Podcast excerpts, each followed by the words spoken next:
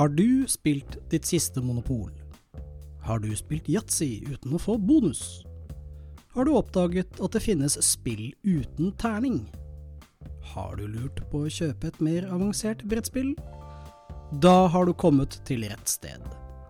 Hei, hei, hei, og velkommen til Brettspillpodden! Jeg heter Jon Songvold, og er som alltid fryktelig glad i spill. I dag så har jeg fått klørne festet rundt en kopi av The Phantom The Card Game. Med en slik klingende tittel så må det jo bli suksess. Den leveres i Det er jo et klassisk bilde av eh, Fantomet på utsiden. Det er nemlig den The Phantom.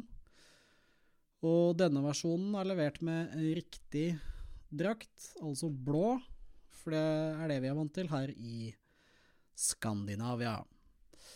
Det ser veldig ut som Hans Lindahl på artworken. Eh, liten titt på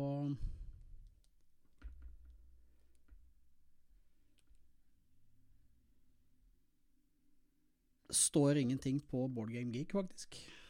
Men jeg tror det er Hans Lindahl. Ligner. For de uinnvedde så er Lars Nei, Hans Lindahl er en av de store fantometegnerne fra Sverige. Um, det er jo selvfølgelig med en uh, Det er jo ikke en dice bag, men en eller annen token eller noe som skal oppi den. Uh, vi må jo ha kortholder som ser ut som Fantomets trone. Det er jo helt nødvendig. Um, det er jo uten tvil uh, et spill som sikkert mange her i Norge burde kunnet ha mye moro med. Det har vært tidligere i hvert fall veldig populært med Fantomet, eller The Phantom. Og jeg må si at jeg er litt overrasket over at den ikke gjorde det bedre på Kickstarter. Men det tyder vel på at kanskje ikke skandinaviske titler er så fantastisk digre på det. Men så er det jo også sånn at dette spillet er én til to spillere, og sannsynligvis er det et um, solospill som også funker med to. Det er det 21. Fantomet som er på playerboardet, og Sala, eller Diana som hun egentlig heter, fordi at av en eller annen grunn så har vi døpt henne opp i Norge. Aner ikke hvorfor, sikkert en tungtveiende grunn til det.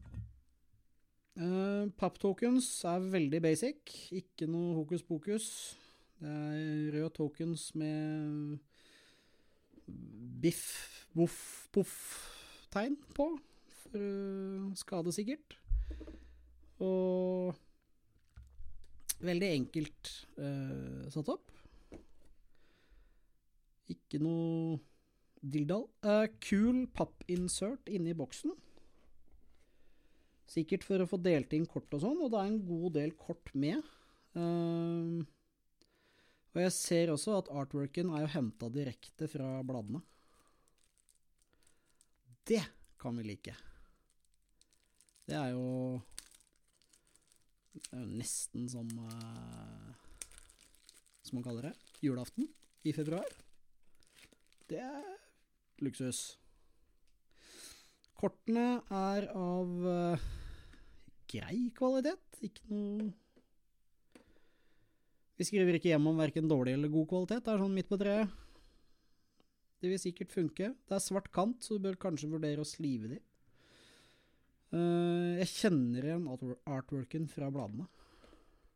Dette er skandinavisk uh, Phantom uh, artwork. Alt sammen, faktisk. Ikke noe, ikke noe kvasi-superhelt American Phantom her i gården. Men hvordan vil dette slå an i, i engelsktalende land da? Hm. Det vil kanskje ikke slå an i det hele tatt, da. Det er veldig stor forskjell på Fantomet og The Phantom i Amerika. Uh, de har gått to veldig forskjellige veier. Uh, Skandinavia har holdt seg til uh, Lee Folks originale fasit. Mens den amerikanske utgaven har uten tvil eh, gått Holdt på å si Supermann-veien, da. Eh, jeg tror også de har begynt med det neste Fantomet, som en sånn future-variant. Vi vet du. Dette her gleder jeg meg skikkelig til å teste. Eh, jeg tror det her blir fantastisk kult. Um, reglene er jo uh, Titta så vidt på de i går, og de ser veldig sånn fornuftig satt opp ut. Ikke noe dilldall. Her ser du Måten du setter opp spillet på, er egentlig veldig standard for denne type kortspill. De bare kaller tingene litt forskjellige ting i forhold til det jeg er vant til. Uh, skummelt mye tekst i disse reglene. Det skal de ha. Uh, det ser ut til å være mye eksempler som gjør at uh, det går seg nok til.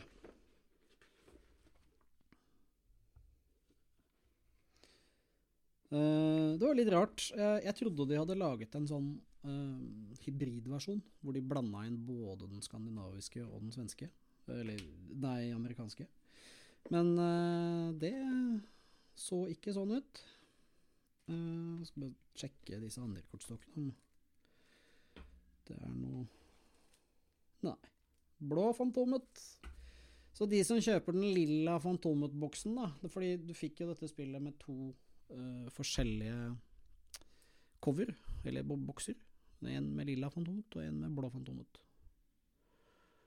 Og de som da kjøper den lilla Fantomet fordi det er lilla Fantomet de kjenner, blir de da kjempeskuffa fordi at det er skandinaviske Fantomet på kortene. Jeg håper ikke det. Det ser ut til å være et veldig solid spill. Um, ønsker deg alt vel på alle mulige måter. Jeg skal ta og teste det ordentlig. Uh, det er litt sånn sketchy å gi ut et spill med én til to spillere, uh, og attpåtil få best med én på boardgame-geeken. For da er det typisk en sånn Ja ja, det er et solospill, da. Og det er ikke så mange som syns at uh, solitaire eller solospill er sånn kjempegøy. Uh, jeg spiller en del solo for å teste ting, uh, i de tilfellene hvor det er mulig å gjøre det. Um, veldig ofte så har jeg også sett at soloversjonene av spill som har flere player counts, ofte er veldig annerledes å spille. Og det syns jeg ikke er så kjempekult. Um, videre så syns jeg også at altså, for at solospill skal funke, så må det være veldig, veldig god story på det du holder på med. Så det er egentlig bare ett solospill som jeg kan holde på med. Uh, som jeg syns er morsommere å spille solo enn med andre noen ganger. Det er Arkham Horror The Card Game. Der har de fått til en fantastisk uh, måte å uh, legge frem kortene på helt av forskjellige måter etter hvert som scenarioene du spiller, og veldig sånn lagt opp til at du skal få en ny opplevelse hver gang du kjøper noe nytt, da. Uh, og det er sånn som jeg syns er kult, da. Fordi uh, veldig mange sånne kortspill som gis ut, krever jo sin mann i å følge med på hva du kan kjøpe og ikke kjøpe, og hva du bør kjøpe og ikke kjøpe, osv. Uh, all in er jo ofte det smarteste, og det, det, er jo hyggelig, det. For all del. For de som selger det, i hvert fall. Uh, ikke så hyggelig for de som kjøper det, kanskje. Men det er nå engang sånn at når du først har blitt fan av noe, så vil du gjerne ha alt. Og uh, The Phantom The Card Game er jo en one investment. Jeg tviler på det kommer til å komme en expansion i måneden, som det kan se ut som det kommer i Arkham Horror. Uh, og det er et utrolig Det er jo superviktig med spill som, som dette, at det er en tematikk som uh, griper deg, da. Og for meg som har vært gammel Fantomet-klubbmedlem, uh, til og med, så er dette bare stas. Det er jo kjempekult. Jeg syns forresten det er skikkelig kjipt at blader i Norge selger så dødsdårlig at de koster en mild formue. Jeg var og titta nå nylig. Eh, Fantomet hadde det ikke engang. Uh, ikke noe krøniker, ingenting. Og det er jo trist, men uh, jeg tenkte ja ja, Tex Willer, da. Det var i hvert fall gøy da jeg var 14. Men det kosta jo 198 kroner.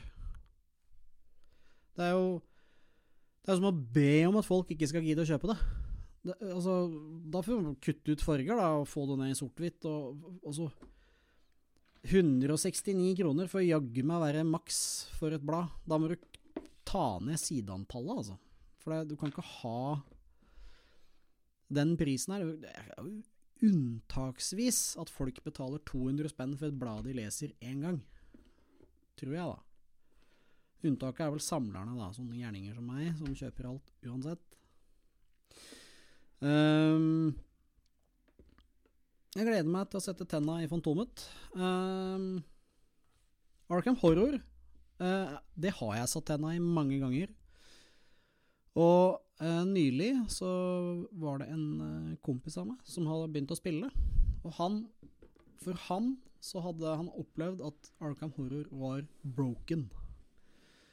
Og det er sånn som fascinerer meg, for jeg har ikke opplevd det i det hele tatt. Jeg har opplevd at jeg har tapt mye i uh, det spillet, men ikke aldri opplevd at det har vært usammenhengende tap eller uh, et eller annet sånt noe. Det er utrolig snodig at det kan være så stor forskjell mellom opplevelsen til to personer som digger settingen. Så vi spilte litt sammen og skjønte etter hvert at antagelig så hadde han uh, gjort et eller annet gærent uten at vi klarte å liksom sette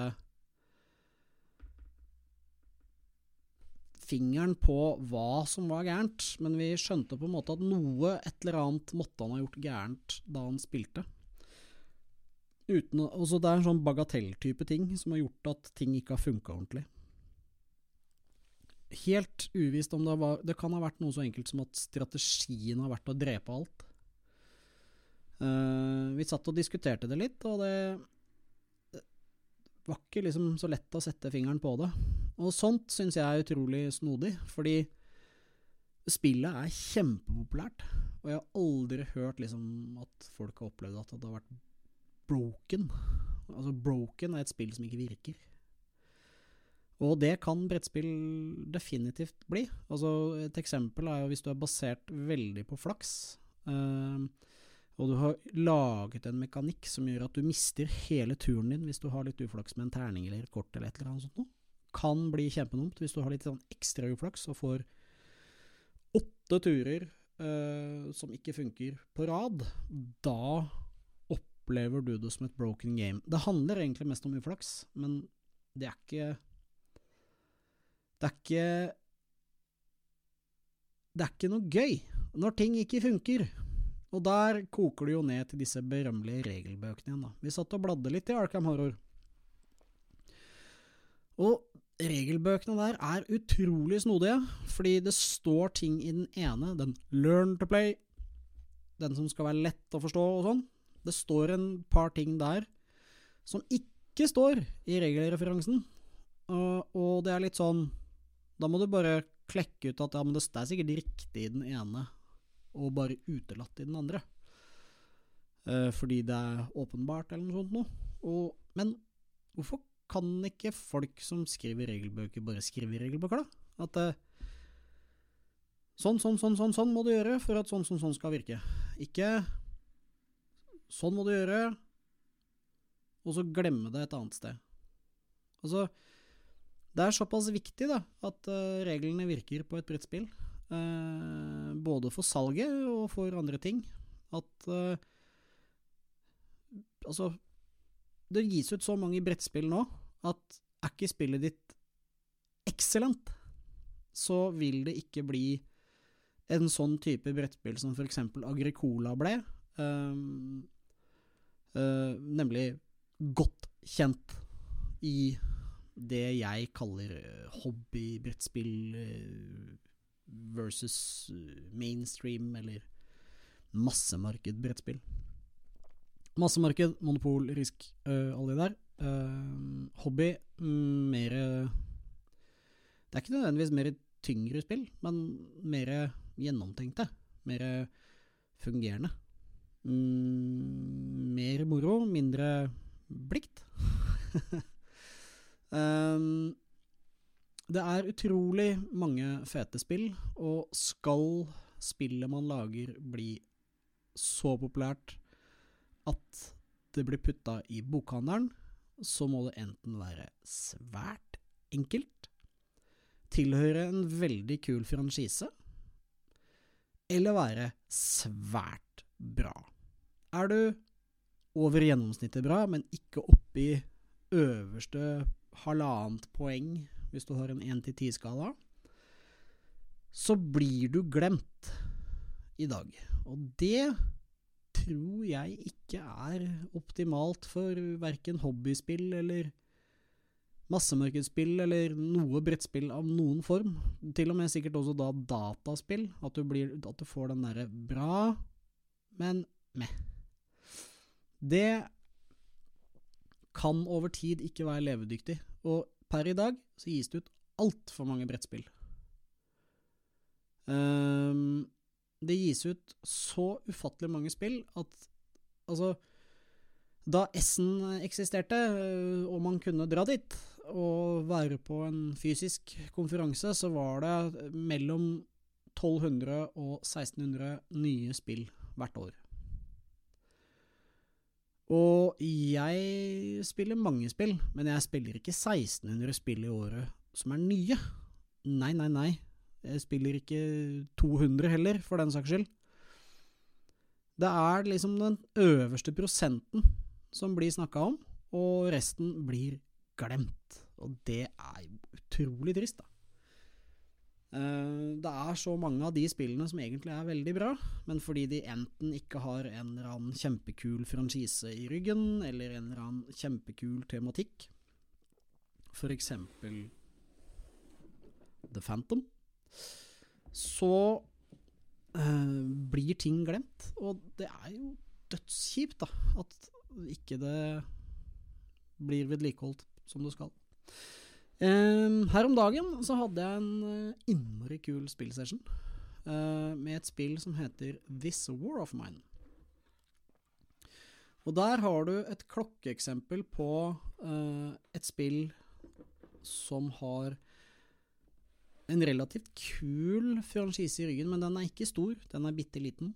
Men den passer bedre som brettspill enn som dataspill.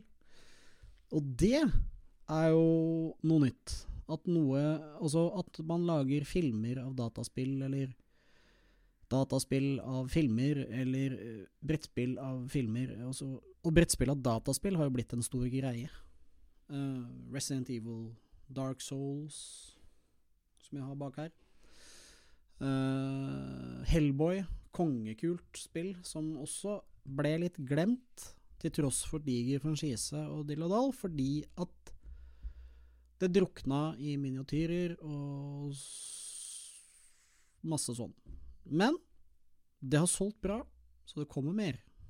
Det er kult. Det kommer rollespill, da. Det er òg en ting.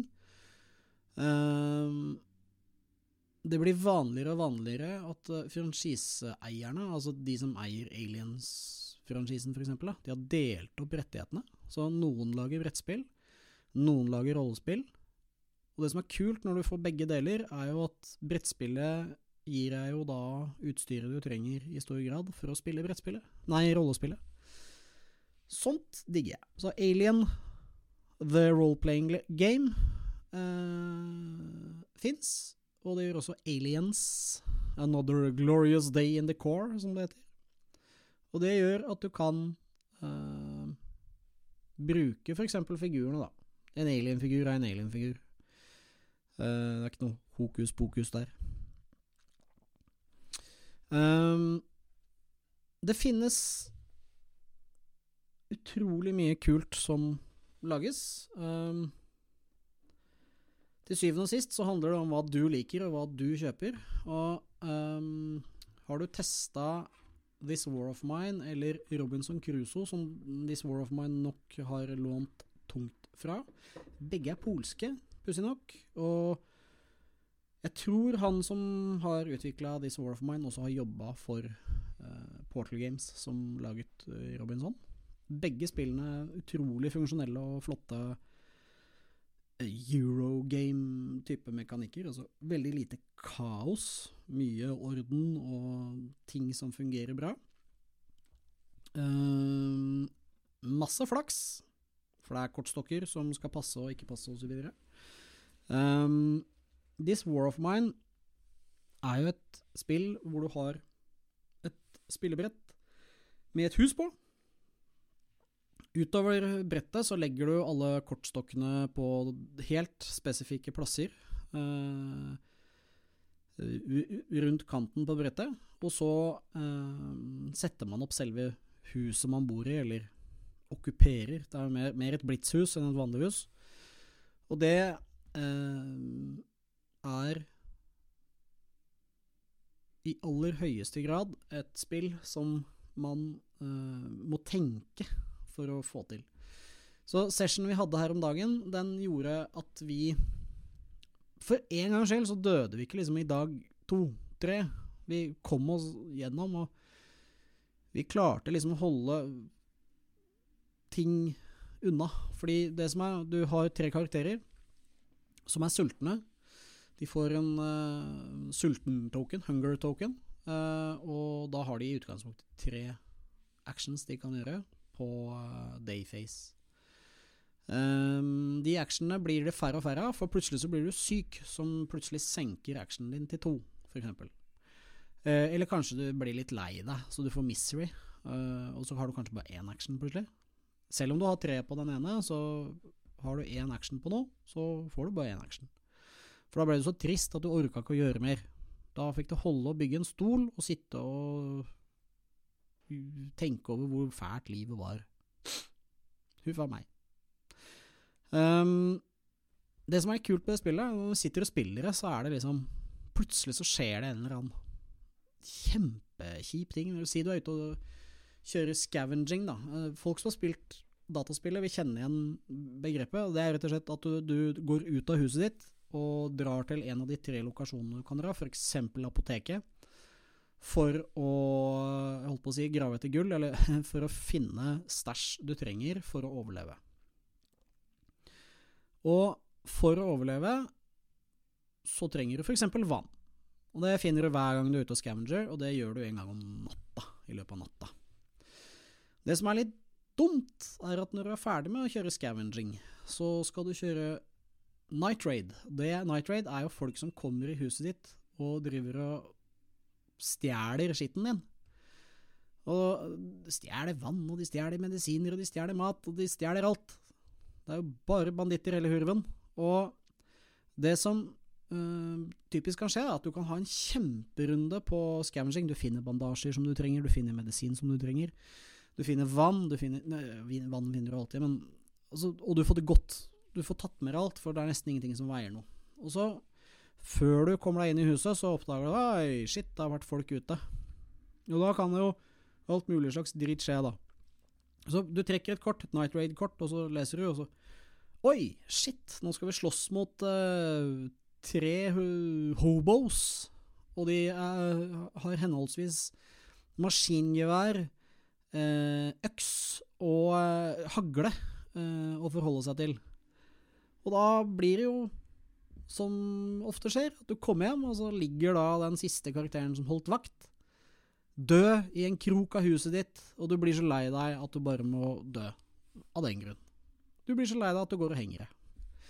Um, det er en ekstremt mørk tematikk i det spillet. Uh, samtidig så sitter man rundt bordet og ler og har det gøy fordi at tematikken er så dyster. Du kan ikke gjøre Det er nesten som å sitte og se jeg vet ikke, Ridder av det runde bord. Hvis du bare ser bildene av den sorte ridderscenen hvor de hogger av armene og sånn, så kan det se ekstremt blodig og rart ut. Men hvis du hører på øh, teksten, så ah, det ble gøy likevel, ja. Det er svart humor, da.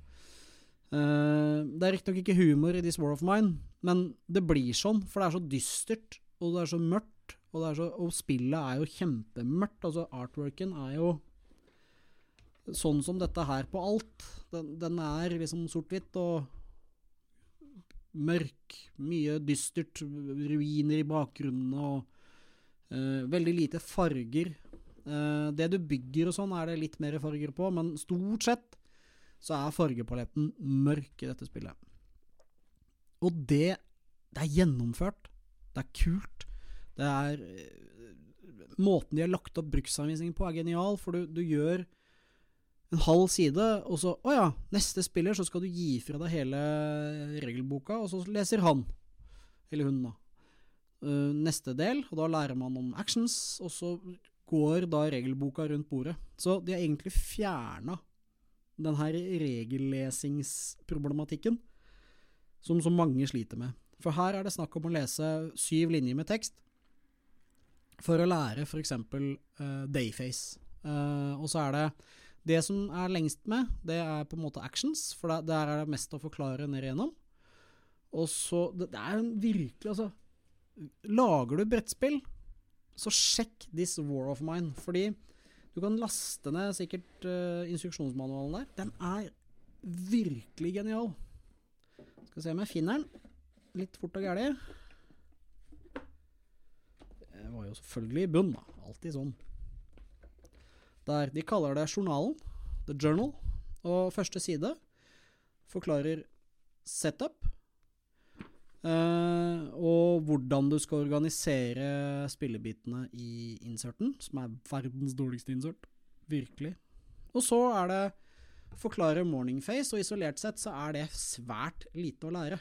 Det er Jeg kan lese det. Morning. Event. Draw and resolve the top card of the events deck.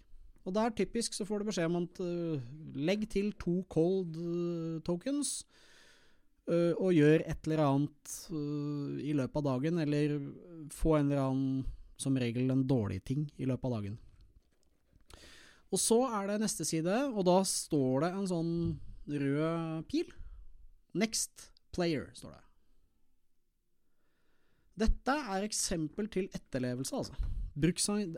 Dette kontra The Phantom-regelboka som var vegg av tekst på annenhver side. Mye bedre. Og så er det Day Actions, som er egentlig det som er hoved... Det er én av de to hoveddelene i spillet. Så er det Dusk. Da skal du spise og drikke. Får du ikke til det, så må du rulle terning og dø. Uh, på evening så velger du da om du skal sove i en seng. Da får du ta bort uh, utmattelsestoken, eller fatigue-token. Hvis du sover på gulvet, så får du bare redusert med to. Og så setter du en av karakterene dine på guard duty, eller vakt. Og så er det scavenging, som jeg snakket om i stad. Og da er scavenging forklart på de to sidene. Og eh, når du er ferdig med det, så velger du hva du kan ta med deg hjem, altså bære hjem. Og så kommer da Night Raid. Night Raid er alltid dritt, men noen ganger så går det bra lell. Og så har du Dawn, som er liksom ryddingsfasen. Altså da tar du Scavenging Party Returns, putter alle token som kom igjennom. Uh, assign meds and bandages. Da de som er skada, får bandasjer. De som er syke, de får meds, hvis du har. Viktig poeng.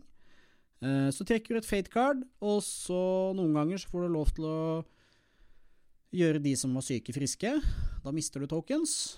Og andre ganger så får du lov til å gjøre de som hadde bandasjetokens, friske. Men da mister du tokens også. Men hvis de ikke ikke av en eller annen grunn uh, via Fate-kortet får beskjed om å bandage all, heal people and heal by two eller noe sånt noe, så mister du ikke tokenet. Du beholder det. Common mistake. Og så er det rinse and repeat-tekst, altså gjenta prosessen fra start. Og så står det en liten side på slutten med combat, fordi akkurat combat er litt sånn Du må knekke hjernen rundt noen terninger. Det er veldig enkelt. Superlett spill å forstå. Supervanskelig å vinne. Et, vi har til gode å liksom fullføre. Uh, og så er det rosina i pølsen. Tematikken, ikke sant? Dette er det Arkham Horror er god på også. Masse, eller for så vidt Tainted Grail også. Her sånn har du en journal, Book of Scripts. Uh, du kan få beskjed Les uh, Skal vi finne en kort en, så ikke det tar 100 år, dette her. Ja, denne for eksempel. Choose one character. He is the sole survivor. The rest were found and executed. Raise the surviving character's misery by two. Altså, hallo i luken. Da må han ut han og finne nye folk. Det er, altså, sånn er det spillet her hele tiden. Og du, du kan ha en kjempedag, og så leser du den, og så bare mm, Dø! Um, det er Mikael Orax, eller jeg aner ikke hvordan du uttaler det. Michael Orax og Jakub Wisniewski, som har selve gamedesignen. Og han, uh, Mikael, han har laget uh, nem, eh, Nurashima Hex, som er digert som alle hauger i Polen og i mange miljøer. Det er et type spill som tiltaler sjakkspillere veldig, for det er toplayerspill som er veldig sånn Det ligner veldig på sjakk, bare med andre mekanikker enn det du er vant til i sjakk.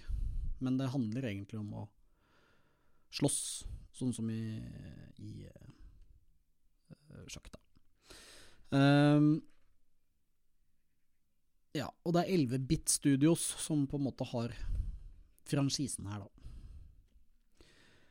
Um, kan virkelig anbefales. Det er ikke spesielt dyrt heller, det spillet her. Hvis du bare kjøper base game, så er du langt under en tusenlapp på, på det. Og faller du for mekanikkene, så har du et spill i Jeg vet ikke 30 ganger, eller noe sånt noe. Det er mye tekst i den boka her. Er, jeg vet ikke hvor mange sider det er. Det står vel her. Eh, nei, det gjør det faktisk ikke. Det er ikke sider. Det er eh, 1947 punkter å lese. Så det er ganske store variasjoner. Jeg vil tro at to som har spilt dette spillet ikke sammen, da, vil oppleve at de har helt lest helt forskjellige ting. Eh, du lærer også å bruke denne boka her i den journalen som jeg forklarte i stad. Uh, det står sånne små punkter uh, utover der. Sånn Morning fact, C200. Da leser du 200 her. Da bare blar du til du finner 200, punkt 200, som kommer rett under 199. Uh, og er, Den er kjempelang, da, men den forklarer da eventkort og chapter objective cards. Så hatten av for måten de har gjort det her på. Helt sublimt genialt. Uh, This War of Mine er også et spill som er lett å få tak i, selv om det egentlig var en kickstarter fra Awaken Realms, fordi uh, jeg mistenker at de 11-bit Studios har inngått et avtale med et annet studio som heter Galacta, uh, som gir ut både base game og to expansions. De som har kjøpt kickstarteren, har base game og den første expansion, men ikke den andre expansion. Det er masse dillal. Uh, de leverer selvfølgelig med et save sheet, fordi at dette er sånn spill som kan vare og rekke og vare og rekke i timevis. Uh, men ikke så grusomt som enkelte andre spill kan bli da. Det er gøy å spille. Um, hvis dere har spilt Robinson Crusoe og liker det, så er sannsynligheten ekstremt høy for at dere liker This War of Mine, for det er veldig mange like likhetstrekk. Det er ikke likt, det er likhetstrekk. Mye I Robinson så får du eh, Så er det øya som leverer alt du sliter med. Mens her er det mer verden. Huset ditt. Raiders. Hobos. Det følger til og med med en, I en av expansionene så er det til og med med en katt og en hund. Jeg har ikke funnet ut hva de gjør for noe, men skulle dere være på utkikk etter en kattemini, så fins det i This War of Mine. Det var det. Um, ikke noe hokus pokus denne gangen. Um, The Phantom. Mulig jeg tar en episode med om det er bra eller dårlig. Men det er i hvert fall akkurat kommet i postkassa, og det så jo helt perfekt ut for en uh, liten uh, fantometnisse som meg. Uh, jeg syns forresten det er dødskjipt at Fantomet har gått inn i Norge. Hva, hva skjer med verden? Hvor, hvorfor Jeg får ikke lov til å kjøpe det elektronisk engang. Det er trist, altså. Fantomet var jo en av de få tingene som ikke var sånn pondus-ting, som faktisk eksisterte og du kunne kjøpe i Norge. Tegneserier i den ganske verden, altså hele verden, har jo gått ned, men, men det burde være et rom for å gi ut halvårlige utgivelser som ikke er reprints av gamle, gode slagere. Og skaff meg et månedsabonnement øh, i Fantomet-klubben som gir meg tegneserier på en app på et nettbrett eller noe. I'm there. Ålreit, det var alt jeg hadde i dag. Uh, spennende å se om mikken eh, er litt uh, mer med meg denne gangen. Vi ses! Det var alt som Brettspillpodden hadde å by på i denne episoden. Dersom du ønsker mer informasjon om podden, eller har noen tips til Jon spiller spill, så send en e-post til brettspillpodden jonspillerspill.no. På gjenhør!